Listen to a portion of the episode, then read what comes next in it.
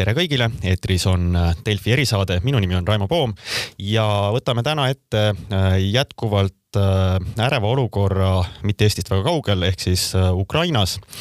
Äh, juba mõnda aega on seal tunda olnud pingete kasvu, eelkõige siis Venemaa suunalt, kes on koondanud taaskord riigi pida, idapiiri taha kõvasti vägesid, käib päris aktiivne propaganda ja, ja selline vastastikune süüdistamise võistlus ka Mustal merel, kus on muidugi palju tüli huvisid äh, Venemaa vahel seoses Krimmi okupeerimisega. Äh, ja tegelikult on ka täna niimoodi, et äh, Ukrainasse saabuvad just nimelt sellesama, nende samade murettekitavate arengute tõttu Eesti, Läti ja Leedu välisministrid, et saada aru, mis pilt seal on. aga meil on siin Delfi erisaates võimalus teha väike eelvaade sellesse ja mul on väga hea meel liinil tervitada Eesti suursaadikut Kiievis, Kaimo Kuuske, tervist tere! Ja ähm, võib-olla siis ega siin ei ole midagi, et, et et äh, mu küsimus alustuseks ongi, et mis see, mis see olukord siis, äh, mis see olukord Ukrainast vaadates äh, paistab, et no rahvusvaheliselt ikkagi väljendatakse väga suurt muret selle pingete kasvu üle. Vene, Vene pool suhteliselt agressiivsete nii-öelda sõna, sõnade saatel see toimub. mida, mida teatakse noh, sellest vägede koondamisest, mida, mida Ukrainas nagu sellest olukorrast arvatakse, kuidas seda nähakse? jah, viimase kuu jooksul on see olukord pingestunud nii idas kontaktjoone peal või rinde, rindel. Ja, ja Venemaa on Ukraina lähistele vedanud siis juurde relvajõude nii Voroneži Rostovisse või sinna lähistele kui ka Krimmi ja Vene relvajõudude tegevust tuleb alati väga tõsiselt võtta ja nende tegemisi väga hoolikalt jälgida. sest Venemaa on oma tegevusega varem näidanud, et äh, nad võivad oma naabritele kallale tungida mm. -hmm. no selleks, selleks hetkeks hetkel praegu on Vene-Ukraina sõda ja kaasnevad läbirääkimised äh, tupikusse jõudnud, patiseisu Äh, Normandia ja Minski kontaktgrupp on seisnud praktiliselt äh, sügisest. ja võib-olla Moskvale üllatuseks demokraatlik Ukraina ei ole Venemaa nõudmiste ees kapituleerunud. ja, ja noh, autoritaarsel Venemaal ei olegi muud mõjutusvahendit, tundub, kui jõud. Mhm. ja hetkel, mis siis hetkel seis on siit Kiievi vaatest on tegemist sõjalise survega Ukrainale ja võib-olla ka mõneti läänele. ja sõjalise surve eesmärk ongi jätta teisele poole mulje, et kohe läheb suureks sõjaks. olukord näeb välja halb ja näebki välja halb, sest Moskva tahab, et see näeks välja võimalikult halb aga, aga mis see, mis, kuidas Ukrainas seda siis reaalse, reaalsuses hinnatakse, et kas pigem nähakse seda praegu siiski nii-öelda selle surveavaldusena Äh, või nähakse ka reaalset võimalust, et seal läheb äh, siis sama, samamoodi kuumaks, nagu oli kaks tuhat neliteist?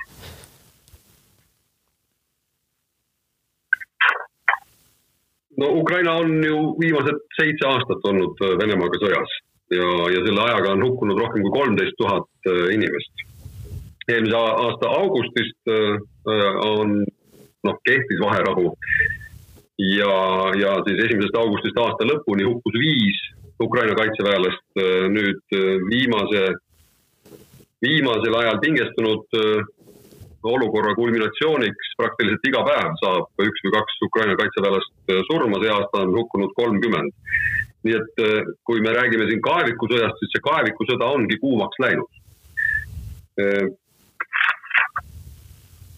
Mis Venemaa juhtkond teinud on, nad on selle vägede kuhjamisega loonud endale valikuvariante edasiseks. ja need valikuvariantide hulka kuulub äh, nii võimalik valus rünnak Ukraina vastu, see võib olla väljatung Krimmist, et võtta enda kätte veekanalite peal olev tamm või seal on kaks tammi õigemini, et, et taastada veevarustus siis Krimmi. hetkel see kanal, tuleb Dnepri jõest, ei, ei vii Krimmi vett. aga see võib olla ka midagi täiesti teises suunas. võib olla selline olukord, kus kõik, kui see möll vaibub, siis me näeme, et Venemaa on mõnes teises piirkonnas loonud uue reaalsuse. Ja, ja meie siis oleme nii-öelda selles post factum äh, olukorras. praegu olemasolevate üksustega, mis on juurde toodud, mis juba on olnud siin, äh, laiaulatuslikku sõda äh, Ukrainale korraldada Moskva ei suuda. et see jutt Kremlist, et kuidas nad võtavad ära siin Kiievi, see lihtsalt ei päde, miljoni linnasid niimoodi ära ei võeta mm.. vot siin on tegelikult äh, mitu, mitu erinevat asja, mille kohta ma ka tahtsin kohe küsida, et, äh, et äh, jutu alguses mainisite seda, et et demokraatlik Ukraina ei ole kapituleerunud Venemaa nõudmiste ees. Ähm, ähm, mis on siis need nõudmised või, või kas on mingisugune arusaadav ajend või, või mis siis, mida siis, mida siis tahetakse Ukrainalt siis nende pingete kerimisega? Ukraina pandi kahe tuhande neljateistkümnenda, viieteistkümnenda aasta lahingutega, väga tõsised lahingud olid siin, jäid mm -hmm. ukrainlased kotti, palju sai surma, pandi olukorra ette, kus, eh, kus tuli siis eh, alla kirjutada sündmuste järjekorrale, mis Ida-Ukrainas toimuma hakkab.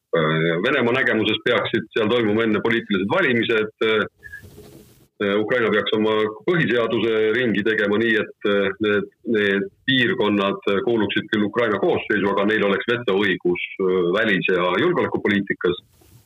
seda, seda Moskva tahab, aga sellega ei ole, ei, ei nõustunud ei Porošenko ja ei ole nõustunud ka Zelenskõi ja tema meeskond.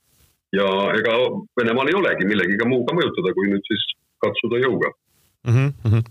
Um, mainisite ka Krimmi ja, ja seda äh, niisugust äh, võimalikku väljatungi sealt, et, et äh, mis puudutab just vee küsimust, et ma olen aru saanud, et seal Krimmis on see vee küsimus kaunis tõsiseks muutunud, et kas, kuidas see, kas see nii-öelda, kuidas see olukord seal, seal on ja, ja kui tõsiselt see elu Krimmis mõjutab, et, et see võiks olla niisugune äh, suund, mida, mida Venemaa tahaks, et, et lihtsalt väevõimuga taastada veevarustus?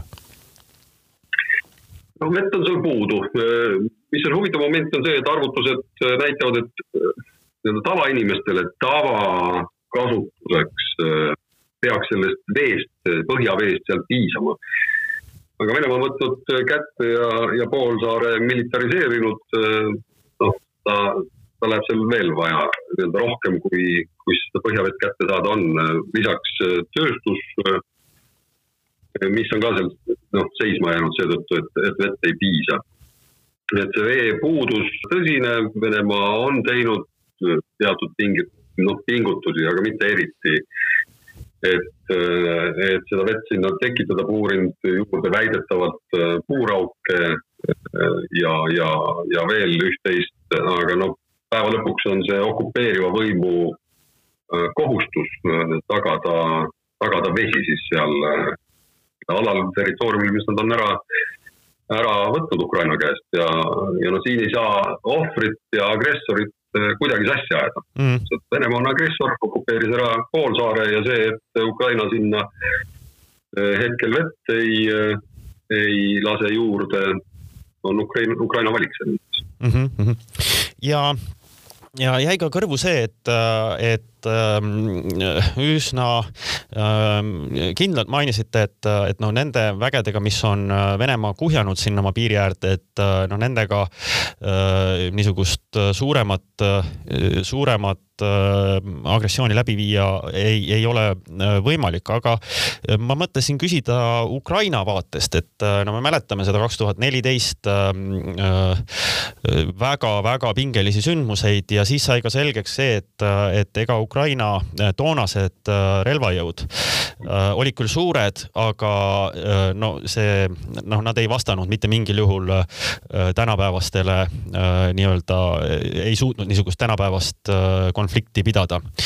Äh, kuidas, kuidas on nagu Ukrainas nende aastate jooksul arendatud oma kaitseväge, ehk siis kas see, selle heidutus on ka kasvanud ikkagi sellisel määral, et, et et Venemaa peaks seda tõsiselt võtma, et see ei ole võrreldav kahe tuhande neljateistkümnenda aastaga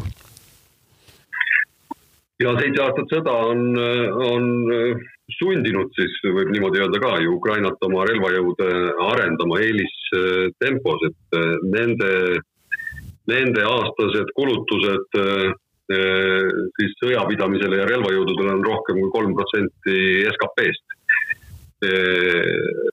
täiesti nõus, et kaks tuhat neliteist, viisteist saadi see Vene agressioon pidama suuresti tänu vabatahtlike pataljonide vabatahtlike tegevusele, sõdimisele ja toele mm. -hmm. aga sellest alates on äh, Ukraina relvajõud väga korralikult, väga korralikult arenenud. Nad on saanud noh, lahingutes karastust, et seal ei olegi muud varianti, kõige noh, hullemal moel on see, et kas võitle, ela ja sure selles mõttes või, või sure selles mõttes. et hetkel ka lääne tegelikult relvajõududelt neilt juba õppida, olgu see siis suurtükiväe tegevus, pioneerid, kes tegelevad miinidega, erioperatsioonide üksused, nii et et sealhulgas Eesti, kes teeb, Eesti Kaitsevägi teeb ka ukrainlastega koostööd, me mitte ainult ei, ei aita neid, vaid me ise õpime ka samamoodi, kuidas edukalt Vene agressioonile vastu. Astuda mm ja eks äh, kahetsusväärsel kombel on, on see äh, see koht, kus seda, seda tuleb teha. aga mismoodi on, kui vaadata natukene Ukrainat äh, ühiskonnana praegu, et noh, väga palju ju räägiti kuni selle agressioonini, agressiooni ajal ka, et noh, et Ukraina ühiskond on selline lõhenenud ja, ja seal on no läänepoolsem ja, ja idapoolsemad inimesed ja, ja neil on väga erinevad vaated sellele, kuidas see riik peaks üldse või kuhu poole tüürima. Ähm, nüüd on, eks ju, nagu nimetate ka, ikkagi aastaid on kestnud see konflikt äh, seal piiri peal niisugusel madalal tulel, aga, aga kogu aeg on, äh, on siiski see äh, väga verine. et kas, kas ühiskond on sellest Äh, sõjast kuidagi väsinud või, või, ähm, või siiski valit- või, või, või hoopis teistpidi, et see on liitnud ühiskonda ja, ja tegelikult selline moraal on väga kõrge, äh, kõrgem kui varem, et mismoodi nagu Ukraina ühiskond äh, praegu võib-olla võrreldes varasemaga välja näeb ja on valmis niisugusi noh, suuri hirmutamissamme nagu nendele vastu seisma, neid, neid välja kannatama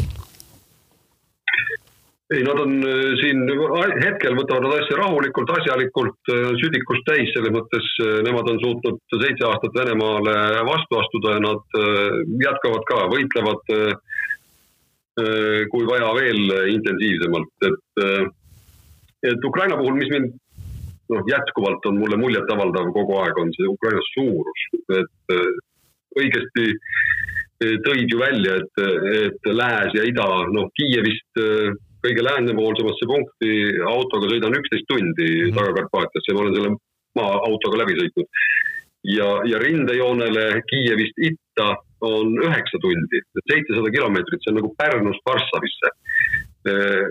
ja, ja ometigi on rindel kõikidest oblastitest äh, inimesi ja, ja hukkunuid samamoodi.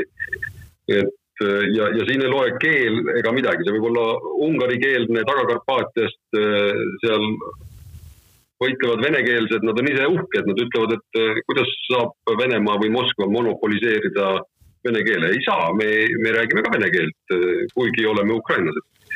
et seda on hästi huvitav ja, ja noh, kohast, kohati hämmastav vaadata, kuidas, kuidas on see sõda Venemaaga tegelikult Ukrainas liikunud mm.. Kas see, kas see Ukraina niisugune ühiskonna äh, seisukoht, et, et noh, need sündmused said kõik alguse sellest, et kui oli ikkagi väga terav valik, ma räägin siis kaks tuhat kolmteist, neliteist ja sealt edasi, et kui oli väga terav valik sellega, et, et kas minna äh, siis, kas vaadata sisuliselt näoga lääne poole või siis minna ida poole, mäletame seda Janukovitši lõppu seoses sellega, et kas teha majanduskokkulepe Euroopa Liiduga või, või siis Euroopa, e, e, Euraasia Liiduga. et kas, kas see püsib, see, see soov vaadata lääne poole, see, mille eest tegelikult siis väga kallilt maksti toona? see tahe on isegi suurenenud ja järjest, järjest suureneb soov liituda Euroopa Liiduga, NATO-ga.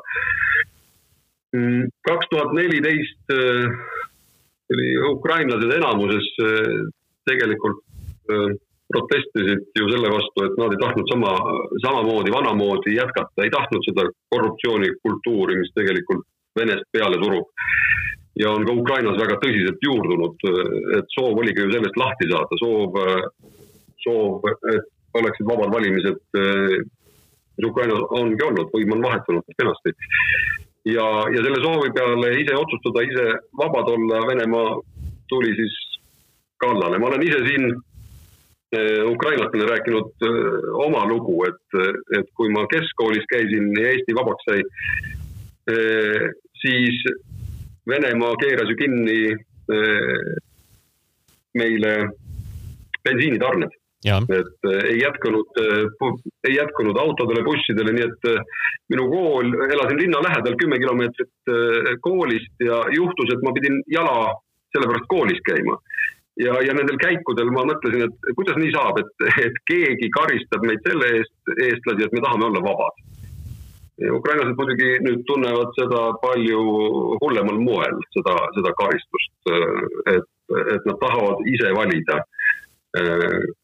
kellega nad on ja milline, milline on nende kultuur ja milline on nende majandamise sihuke põhimõtted.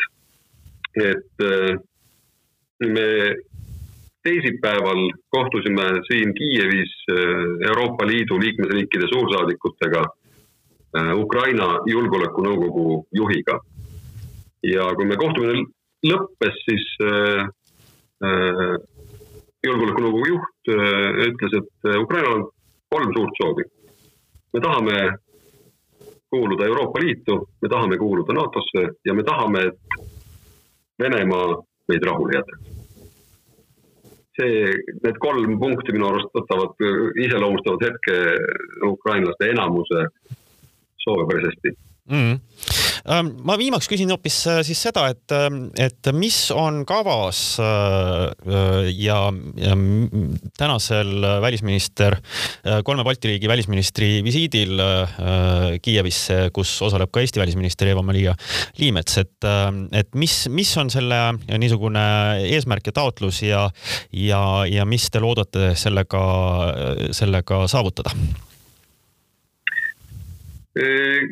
Kõigepealt number üks on muidugi see, et äh, kolm Balti riiki soovivad näidata Ukrainale solidaarsust, et Ukraina ei ole üksi, et see, see, ega see sõjavõimalus on tegelikult olemas äh, ja, ja ja, ja see võib ka ju eskaleeruda veel tõsisemaks konfliktiks, kuigi hetkel, nagu ma ütlesin, ei ole neid üksusi nii palju, et, et suurt sõda pidada Ukraina hakkab vastu, aga üksi on seda teha väga raske, nii et äh, kõigepealt meie välisministrid näitavad üles solidaarsust, äh, kuulavad äh, Ukraina juhtkonnalt siis nende hinnanguid, nende nägemusi, kuidas olukorda lahendada ja, ja kolmas loomulikult, kuidas meie saame Ukrainat aidata hetkel, olgu see siis toetusavaldustest kuni praktiliste Äh, sammudeni kas kahepoolselt kolmekesi Balti riikidega või siis äh, teemad, mida meie juba saame, meie välisminister järgmine nädal viia Euroopa Liitu äh, välisministrite kohtumisele näiteks mm. -hmm äh,. igal juhul äh, suur tänu äh,, Eesti suursaadik Kiievis äh, Kaimo Kuusk äh, seda Ukraina olukorda äh, meile täna hommikul äh, seletamast ja äh, jõudu-jaksu äh,. me hoiame igal juhul enda poolt äh, teemadel nii äh, erisaates kui ka muidugi uudiste äh, poole pealt äh, kõvasti pilku peal äh,. suur tänu meiega ühinemast täna.